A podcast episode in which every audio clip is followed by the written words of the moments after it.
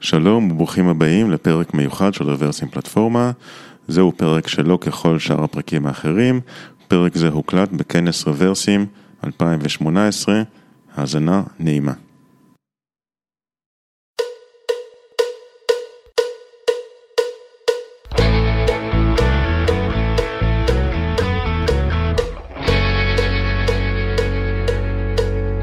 מי שעובד היום עם JavaScript, מעטים האנשים שכותבים JavaScript בקובץ טקסט, שומרים אותו ופשוט עושים reload וזה עובד להם. מאוד מקובל היום ב ecosystem של JavaScript לעבוד עם סט של כלים תומכים כאלה שקיימים ב ecosystem הזה, לינטרים, Babel, Webpack, כל מיני דברים אה, מהסוג הזה. ואולי שמעתם על הביטוי הזה שנקרא אה, JavaScript fatigue, שזה התסכול מהצורך ללמוד ולהכיר ולהתמודד עם העקומת למידה של כל הכלים האלה. אבל אמ, בעצם אני רוצה לטעון היום שהכאב האמיתי לא מגיע מהצורך ללמוד את הכלים האלה, אלא אחרי שכבר uh, החלטנו uh, לסמוך עליהם ולהחליט שזה מה שנותן לנו את הכוח, לגלות יום אחד שיש להם נקודת שבירה. שיש איזשהו use case שאנחנו מצפים שזה ייתן לנו את הכוח לעשות את זה, ואנחנו בעצם uh, נתקעים. עכשיו כמובן שזה כלים שהם open source באינטרנט, אז יש לנו את היכולת לפתוח אישו ולקוות שיועיל בטובו המיינטיינר בעוד כמה חודשים לפתור לנו את הבעיה. אבל בעצם מה שאני טוען זה שאם נלמד את הקונספט הזה של Abstract Syntax Trees, ספציפית בעולם ה-JavaScript, זה ייתן את היכולת לפתור את כל הבעיות האלה בעצמנו ולהרחיב את הכלים שאנחנו עובדים איתם כמפתחים בעצמנו.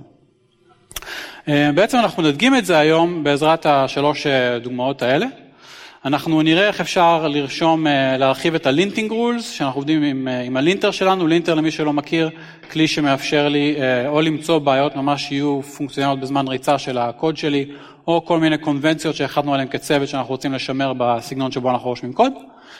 אה, אנחנו נראה איך אפשר להרחיב את ה-Transpiling Logic, הדבר הכי מוכר שאנשים מכירים זה להשתמש בבאבל בשביל לכתוב סינטקס מתקדם יותר של JavaScript היום, אה, ושזה יעבור המרה לסינטקס של JavaScript שעובד בכל מקום, נראה איך אפשר להרחיב את היכולות האלה. והאחרון, הכי פחות מוכר מכל החבורה, זה הנושא של Code Mods או Code Modification Scripts. זה משהו שבעצם מאפשר לנו לעשות refactoring ב code base מאוד גדול. בצורה שהיא לא סיזיפית, אבל עדיין, בצורה אוטומטית, אבל עדיין שנותנת לנו הרבה confidence בשינוי שלנו.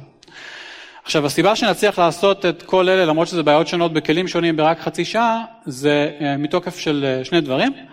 הדבר הראשון זה שמעבר לזה שזה כלים שהם כמובן open source, היוצרים שלהם מאוד השקיעו לייצר את הכלים האלה בארכיטקטורה שהם יהיו plugin based. זאת אומרת שבשביל להרחיב אותם, אתה לא צריך לדעת על ה internal של איך הם עובדים, כל אחד מהם בנפרד ללמוד ולהכיר אותו, אלא הם דאגו שהם יהיו ברי הרחבה בזה שאתה צריך להכיר איזשהו interface מאוד אה, מצומצם שאתה צריך לממש, וכל עוד אתה מממש אותו ומכבד אותו, אתה נהנה מכל העבודה הקשה שהם עושים אה, מאחורי הקלעים. אבל עדיין יש קונספט אחד שצריך להכיר ולהבין אה, לעומק, למרות שזה קונספט יחסית פשוט, וזה באמת ASTs. אלה הכלים שפותרים את הבעיות האלה ב ecosystem של JavaScript היום, לפחות הכי מוכרים, ESLint כ linter, Babel כ transpiler ו-JS Code Shift של פייסבוק כ- Code Mod Runner. אבל כאמור צריך להכיר את הנושא הזה של ASTs, Abstract Syntax Trees ומשהו שנקרא ה-Visitor Pattern שתמיד הולך ביחד, שתכף גם ניגע בו. לי קוראים יונתן מבורך, אני מפתח בוויקס. אתם יודעים, עכשיו מגיע החלק הזה בהרצאה שהדובר מציג את עצמו, נהוג להגיד כזה, אני אה, כבר אה, תשע שנים בתעשייה, אני 11 אה, שנים בתעשייה, אני חושב שזה קצת משחק מיותר. אני כן אגיד שאני עובד עם JavaScript הרבה מאוד זמן. יש לי פה, אני לא יודע אם אתם יכולים לראות, אבל את הספר שאיתו התחלתי ללמוד JavaScript, ויש פה דיסקט. אז זה כל מה שאני אומר לגבי כמות הזמן שאני עובד עם זה. אז מה זה Abstract Syntax Trees? כשמו כן הוא, Abstract Syntax Tree, לקחת את הסינטקס שלנו, את הקוד מקור שלנו, ולתאר אותו באמצעות מבנה נתונים מסוג עץ. זה משהו שלא מגיע מעולם ה-JavaScript, זה משהו שקיים כשלב ראשון בשלב הקומפילציה של כמעט כל שפת אה, תכנות, אבל הכי קל להסביר את זה, זה בעזרת דוגמה, אז בואו נצלול לפנימה. בעצם יש לי פה קטע קוד הכי קצר שיכולתי לחשוב, כי האבסטרק סינטקסרי הוא לוקח הרבה מקום, אז אה, הכי קל להדגים את זה עם קטע קוד יחסית קצר. אתם יכולים לדמיין לעצמכם אה, כמה זה, איך זה נראה עבור קטע קוד יותר גדול. אז בואו ניקח את הקטע קוד הזה, אה, רק statement אחד, var foo שווה bar, השמה למשתנה עם hard coded string, וזה המבנה שלו כ-AST. יש לי את ה-root node, שזה ה program, שמקושר ל-body node. ב-body node יהיה מספר הנודים כמספר ה-statements בקוד שלי. בקוד הזה יש רק variable declaration אחד, ולכן רק node אחד תחת ה-body. יש, הוא מחולק ל-kind, שזה אומר שזה מאפיין את ה-var, שהוא var ולא let או const. יש לי את החלק השני, שזה ה-variable declarator, שבדיוק מגדיר את הסמן המשתנה הזה, ה-identifier שלי הוא foo, והערך שלו, בגלל שזה משהו שהוא hard coded, זה נקרא literal, והערך של ה-literal הזה זה bar. אז זה די ברור למה זה צריך להיות ה-AST, זאת אומרת, נראה הגיוני, אבל כמובן שמישהו הגדיר שככה בדיוק המבנה של הדברים וככה השמות של הדברים.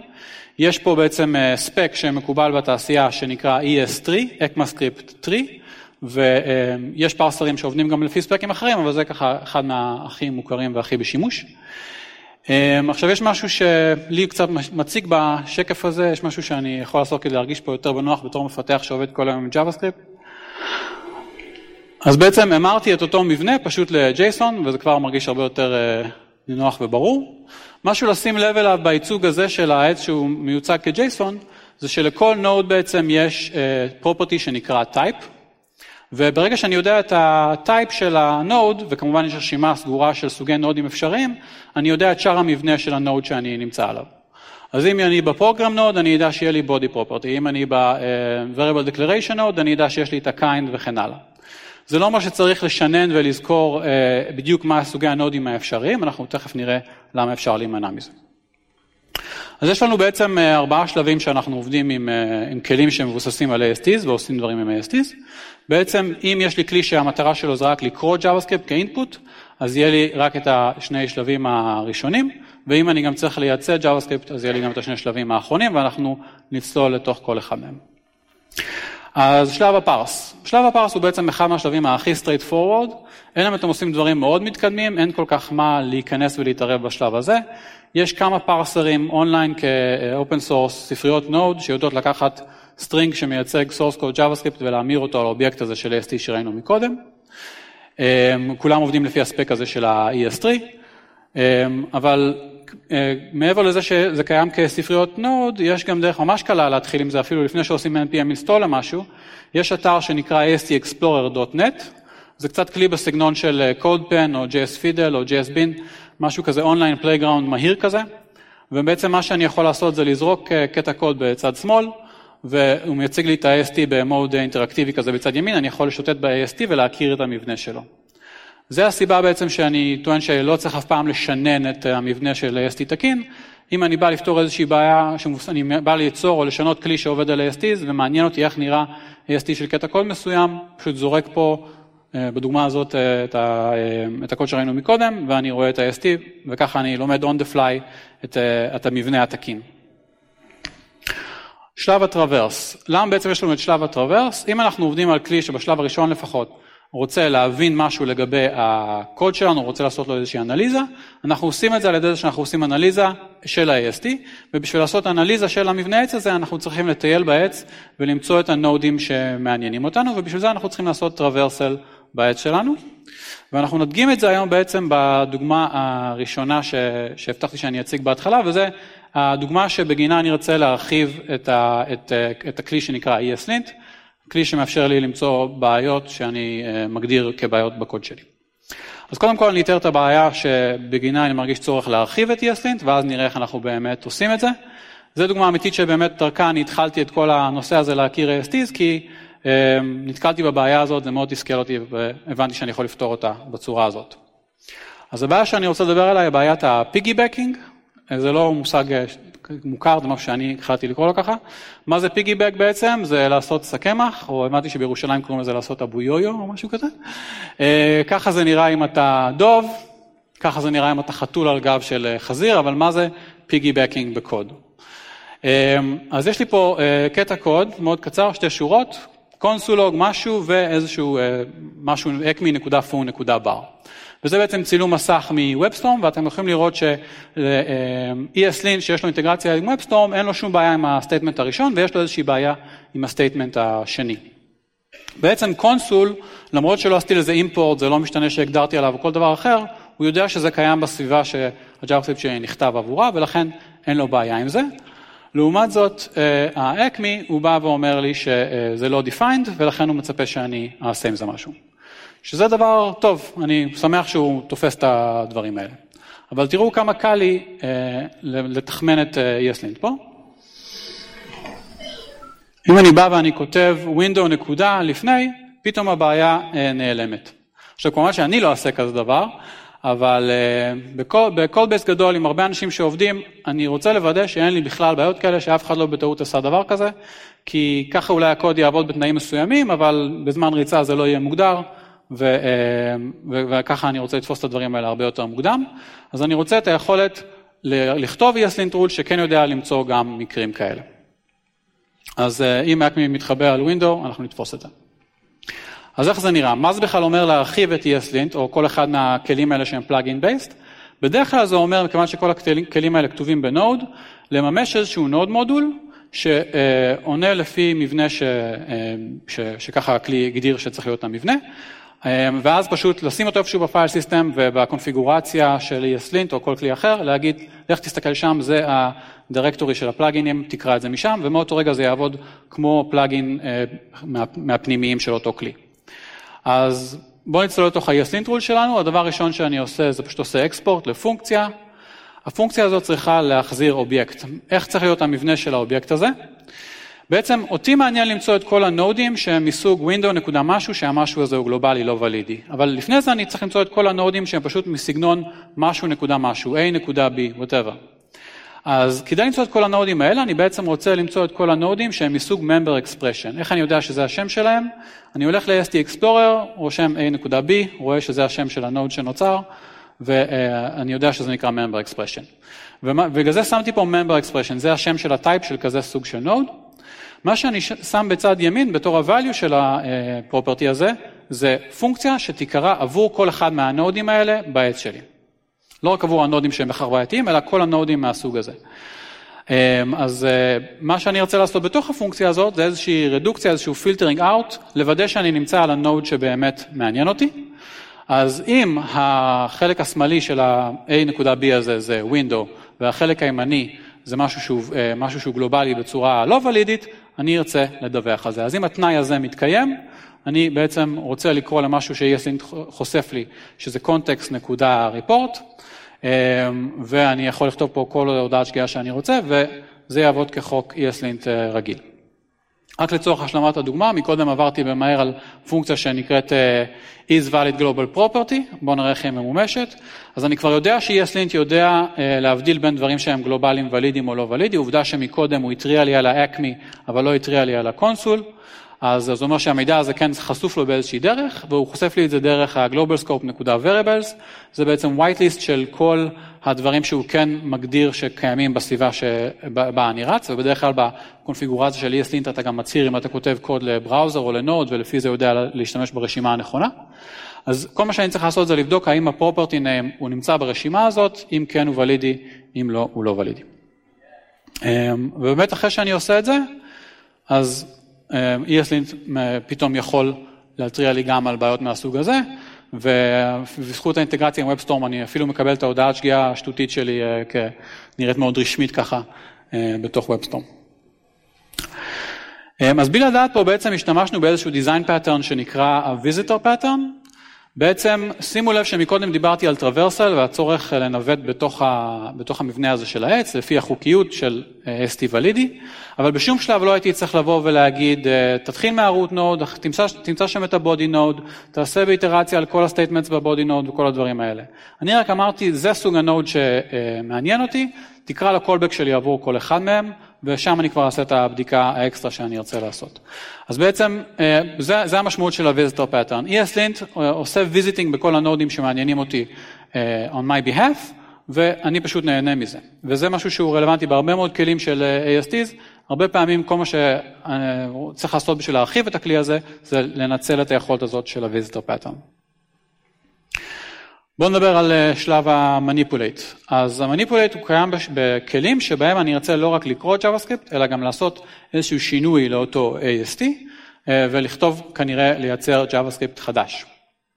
אז הכלי הכי מפורסם שעושה מניפולציה ל-AST נקרא בבל, הוא התחיל כפרויקט שנקרא 6 to 5, ובאמת המטרה העיקרית שלו הייתה לאפשר לכם לרשום ES6 או יותר מאוחר גם syntaxים יותר מתקדמים של JavaScript, ושזה יעבור transpilציה ברמת syntactic sugar למשהו שיכול לעבוד בכל סביבת ריצה. אמ, אבל אה, אני לא יודע היסטורית לגבי הפרויקט, אבל היום הוא ממומש לגמרי בצורה שהיא plugin based, זאת אומרת שגם החוקים האלה שאנחנו עובדים איתם, שמגיעים out of the box יחד עם בבל, ממומשים כפלאגינים, ואתם מוזמנים לכתוב פלאגינים משל עצמכם. אה, נדגים את זה דווקא בעזרת פלאגין שהוא כן פנימי לתוך באבל, פשוט בגלל שהוא ממש אה, קצר, אבל אותו, אותו היגיון בדיוק עובד גם כל third party bubble plugin ויש כל מיני, אה, בעיקר אם אתם עובדים עם framework מסוים כמו React או Angular, יש כל מיני bubble plugin שרלוונטיים לאותו framework. אז רק כדי להדגים מה הבעיה שהפלאגין הזה מנסה לפתור, אה, יש מילה שמורה ב-JavaScript שנקראת Debugger, זה בעצם נותן לנו את היכולת אה, להפעיל breakpoints מקוד, משהו שהוא נהדר לפיתוח, לא משהו שהיינו רוצים להשאיר בגרסה שאנחנו שולחים ללקוחות שלנו, בגרסת production. א', כי זה סתם מיותר, וב', כי בקונסטלציה מסוימת זה אפילו יכול לגרום לזה שיזרק להם איזשהו, אה, איזשהו, ממש יצפה שה-user שלי יתחיל לדבג לי את הקוד, וזה משהו שאני לא רוצה. אה, אז מה אני מצפה שה-Babel plugin שלי יעשה? פשוט יעיף את השורה הזאת מהקוד, הוא לא צריך להפעיל שום לוגיקה, הוא לא צריך לצפות שאני אתערב ואוציא את זה כמו במשהו ש-ESLint מתקן לי, אני פשוט רוצה שהוא יעיף את זה. אז Babel plugin בדיוק אותו דבר, זה פשוט node module, אה, אני פה צריך להחזיר אובייקט שהוא אפילו נקרא visitor, זה מזכיר שאני משתמש ב-visitor והאובייקט הפנימי הזה הוא בדיוק אותו מבנה כמו שראינו מקודם ב-ESLint. אני צריך ללכת ל- AST Explorer, לרשום שם את המילה Debugger, לראות שה type של Debugger נקרא Debugger Statement, שם די הגיוני, והפונקציה הזאת תיקרא עבור כל Debugger Statement בקוד שלי. מה אני ארצה לעשות בתוך הפונקציה הזאת? שוב, בהרבה מהמקרים אני ארצה לעשות איזושהי filtering נוסף, אבל במקרה הזה כל debugger statement אני ארצה להעיף, ולכן כל מה שאני צריך לעשות זה לקרוא ל-path.remove, וזה בעצם ישנה את ה-AST שלי. אמ, בשלב הזה בעצם מה שבאבל עושה, שימו לב שאני לא הייתי צריך להגיד לו לעשות את זה, כי זה קורה implicitly עבור כל הסט של הפלאגינים שרצים, זה שהוא יג'נרט לי קוד חדש, בדרך כלל בתיקייה אה, אחרת שהיא איזשהו dist directory שמיועד כל פעם שאני מוציא גרסה חדשה לעלות ל production. והוא יעשה בעצם את הפעולה ההפוכה לשלב ה parse. הוא ייקח את ה-AST שלי וימיר אותו בחזרה לקוד JavaScript תקין. ובעצם, בגלל שאני מריץ את באבל כל פעם מחדש, לא כל כך אכפת לי באיזה לוגיקה הוא מחליט לעשות את זה. האם הוא מחליט אה, לשמור לי עם טאבים או ספייסים, או עם line ending של Windows או של Unix, זה לא כזה משנה, כי הקוד הזה מבחינתי הוא throwaway. אבל עכשיו אנחנו נראה מקרה שבו אכפת לי מאוד איך נעשית ההחלטה איך לג'נרט את, את הקוד אה, מקור שלנו, וזה בעזרת המקרה האחרון שנסתכל עליו היום, שזה JS CodeShift. JS CodeShift זה כלי של פייסבוק, אה, בעצם משהו שפותח על ידם ואחרי זה עשו עליו open source, שהמטרה שלו זה לאפשר באמת refactoring אה, של הרבה מאוד קבצים ב code base מאוד גדול, בצורה שאנחנו יכולים להיות בטוחים בה, משהו שהוא הרבה יותר יעיל מלהסתמך על regex ו-find and replace וכל מיני דברים כאלה. אמ, והוא גם אה, מתבסס על אה, ASTs, בואו בוא נראה דוגמה. אה, אז בואו נניח שמה שאנחנו מנסים לפתור, זה, וזה משהו שהוא מאוד טיפוסי עבור JS CodeShift, קצת כמו הדבר ההופכי שמשתמשים בבאבל. אם בבאבל אנחנו הרבה משתמשים בשביל להשתמש בסינטקס הכי חדיש ולהמיר אותו לסינטקס ישן, פה, פה אנחנו משתמשים בזה אם יש לנו code base גדול שנכתב הרבה לפני עולם ה-ES6 או ה-ES7, ואנחנו רוצים להמיר אותו בבת אחת בעזרת איזשהו code mode כזה לסינטקס הרבה יותר חדיש ומודרני. אז בואו נניח שמה שאנחנו רוצים לעשות זה למצוא את כל המשתנים שמוגדרים כבר, כי זה הדבר היחיד שהיה קיים באותה תקופה שה codebase הזה נחשב, ולהתחיל להשתמש ב-let. אז בואו נראה איך זה אה, עובד. אז אה, דבר ראשון שאני צריך לעשות זה להמיר את הקוד שלי ל-AST, בכל שאר הכלים שראינו עד עכשיו זה נעשה implicitly, פה אני צריך לעשות את זה באופן יזום, אבל זה מאוד פשוט, J זה בעצם מין מעטפת ל-API של ה-JS CodeShift, אני מעביר לו את ה file נקודה source והוא מחזיר לי את ה-root node, שה-root node מקושר לכל אחד מהנודים האחרים בעץ שלי. אחרי זה, זה קצת דומה ל- visitor pattern, אבל הפעם אין את האובייקט הזה שראינו מקודם, אבל זה בדיוק אותו עיקרון. אני אומר לו למצוא עבורי את כל ההצהרות על משתנים שקיימות לי בקוד, את כל הנודים מ type variable declaration, ובמקום אחרי זה לעשות איזשהו if שיבדוק לי, כי אני רוצה רק את אלה שמוגדרים עם var, אני יכול כבר בשלב הזה לעשות את הפילטור הזה על ידי זה שאני אה, מעביר את הפרמטר השני של אה, אה, kind שווה var. אני בעצם מקבל מערך, ובמערך הזה זה פונקציה שאני אקרא לעבור כל אחד מהסטייטמנטס שאני אמצא. ומה אני אעשה בתוך הפונקציה הזאת? אני בעצם מייצר variable declaration חדש, שמוגדר עם ה-keyword let, אבל מעבר לזה הוא העתק מושלם של, ה, של ההצהרה המקורית. כרגע זה רק עובד בזיכרון, אני עדיין לא שיניתי באמת את ה-AST, אבל אם אני אקרא ל-replace with, זה בדיוק מה שיקרה. אז עכשיו אני התחלתי בהדרגה לשנות את ה-AST שלי, ובסופו של דבר אה, אני צריך לקרוא ל-root to source, שזה יגרום לזה שממש הקבצי מקור על המחשב שלי אה, יהיו overwritten עם, ה, עם הקוד ששיניתי. עכשיו, מה שמיוחד ב-root to source של JS CodeShift לעומת מה שקורה implicitly שאני עובד עם כלי כמו באבל, זה שהוא יודע שפה המטרה שלי היא לשנות קוד מקור, שמה שיקרה זה שהקוד הזה, אה, JS CodeShift ישנה אותו, אבל מי שיעשה לו קומיט לגיט ואחרי זה כל חברי הצוות שלו שיודעים אה, איפה העמדה שלו ויודעים איפה הוא גר, זה יהיה על השם שלי. אז מאוד חשוב שנשנה את הקוד הזה בצורה זהירה. אה, ומה שהוא יעשה, הוא בעצם ינסה לשמר, קודם כל להבין ולשמר את כל מה שקשור לאיך הסטייל של הקוד שלנו, סטאבים או ספייסים או הפוך, אני לא נכנס לוויכוח הזה, אה, וכל דבר אחר, כדי שאם אני אסתכל על הדיף שנוצר כתוצאה מה, מהשינוי הזה, זה יהיה השינוי הכי מינימלי שיכול להיות, ויהיה לי מאוד קל להסתכל עליו ולהבין האם הוא עשה את השינוי בצורה אינטליגנטית אה, ונכונה. עוד דבר אבל שלא יודע, אולי אנשים חדי עין שמו לב בקוד הזה, שהוא קצת נאיבי, אה, בעצם מדגיש את ה-API של JS CodeShift, אבל יכול ליצור אה, קוד בעייתי, בואו נראה למה. יש פה דוגמה שהיא אה, קוד קצת, בוא נגיד, מוזר, אני לא מניח שיש הרבה קוד כזה out there, אבל הוא עוזר להדגיש את הנקודה שלי פה. אז אם היה לי קטע קוד כזה בעצם, לפני ההמרה, אז אולי זה לא היה קטע קוד יפה, אבל זה היה עובד. ופתאום עשיתי את הרפקטורינג הזה והפכתי את ה-var הזה ל-let ופתאום יש לי runtime exception. הסיבה היא ש-let ו-var יש להם משמעות סימנטית אה, שונה, בגלל זה הכניסו Keyboard חדש. כל מה שמוגדר עם var מוגדר עם כ-function scope, כל מה שמוגדר עם let הוא רק קיים באותו בלוק, והדבר הזה, לקטע קוד כזה ספציפית, זה היה ממש משנה לי את הקוד בצורה שהיא, שהיא לא חכמה.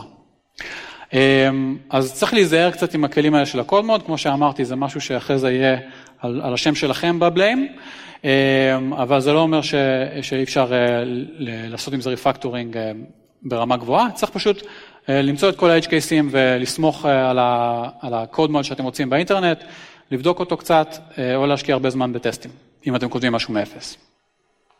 החדשות הטובות שלפחות לפי המקרה הזה ולעוד הרבה מקרים, אז יש באמת ספריות open source של codemod שאנחנו יכולים להשתמש בהם. יש לנו גם את הספרייה הזאת שנקראת JS Codemod, שמגיעה עם אוסף של codemod, ספציפית הרבה מהם הם סביב העולם הזה של להמיר מעולם ה-ES5 ל-ES6 וכן הלאה. ויש שם codemod אחד שנקרא no vars, אני לא יודע אם אתם יכולים לראות את זה, אבל רשום פה conservatively converts var to const or let. אמ, ואכן אמ, זה בדיוק מה שהוא עושה, הוא נוגט בשיטה שמרנית, הוא ינסה להמיר את זה לקונסט, אם זה לא אה, הגיוני, האם עושים שימוש מחדש באותו דקלריישן, זה יהיה let, ואם זה גם משתמשים בו מחוץ לסקופ שבו הוא מוגדר, אז ישאיר את זה כבר. אה, אז איך מריצים JS CodeShift? אה, זה מאוד פשוט, צריך להתקין את זה גלובלית עם, עם NPN. פשוט לקרוא ל-JS CodeShift, להעביר לו את הטרנספורמציה, את הפף אליה, זה המינוס T, טרנספורם, ולהגיד לו איפה לרוץ, בדרך כלל זה נקודה, זה פשוט אומר הדירקטורי הנוכחי, ובכמה שניות הוא ממיר את כל ה-code base. משהו שאני ממליץ לעשות אם מישהו קצת מרגיש מדוכדך באיזשהו יום, אני שמתי לב לזה שבגיטאב אתה יכול לעשות חיפוש בעצם בכל האישוס בגיטאב של כל הפרויקטים, ויש אנשים שפתחו לעצמם אישיו שפתוח כבר חצי שנה ויותר, שהם רוצים להתחיל לאמץ את הסינטקס החדש של ES6, אבל הם, לא, הם, הם חושבים שזה משהו מאוד סזיפי והם לא מוצאים לזה זמן, ובעצם עם JS CodeShift זה נהיה תהליך של אה, כמה שניות. אז פשוט אה, אפשר למצוא אישיוס כאלה, לפתוח להם, לרשום להם Hi from Israel, we're not so bad, משהו כזה. וזהו. אה, אני עשיתי פה אה, איזשהו אה, עמוד בגיטאב שאני קורא לו אוסם AST, זה בעצם אוסף של לינקים וריסורסים בנושא ללמוד על ASTs, גם באופן כללי וגם ספציפית על ESLint, Bubble ו-JS CodeShift. אני חייב להזהיר שזה קצת ממכר. אני התחלתי באמת עם, ה, עם, ה, עם ה, ספציפית הדוגמה הזאת של ESLint, ואחרי זה גם יצא לי להרחיב את באבל, ועכשיו גם יצא לי לכתוב כלים שהם מביאים מאפס את הפרסר ואת האלגוריתם של הטרוורסל, וכלים חדשים מאפס שמתבססים על AST, וזה נהיה מין מסמר כזה שהתעסקות ב-AST זה תמיד הפטיש שאני מחפש. אה, ואם יש לכם שאלות, מוזמנים לתפוס אותי פה, או אם אתם מגיעים אחר כך הביתה ומתחילים לשחק עם זה, אז בטוויטר. תודה רבה.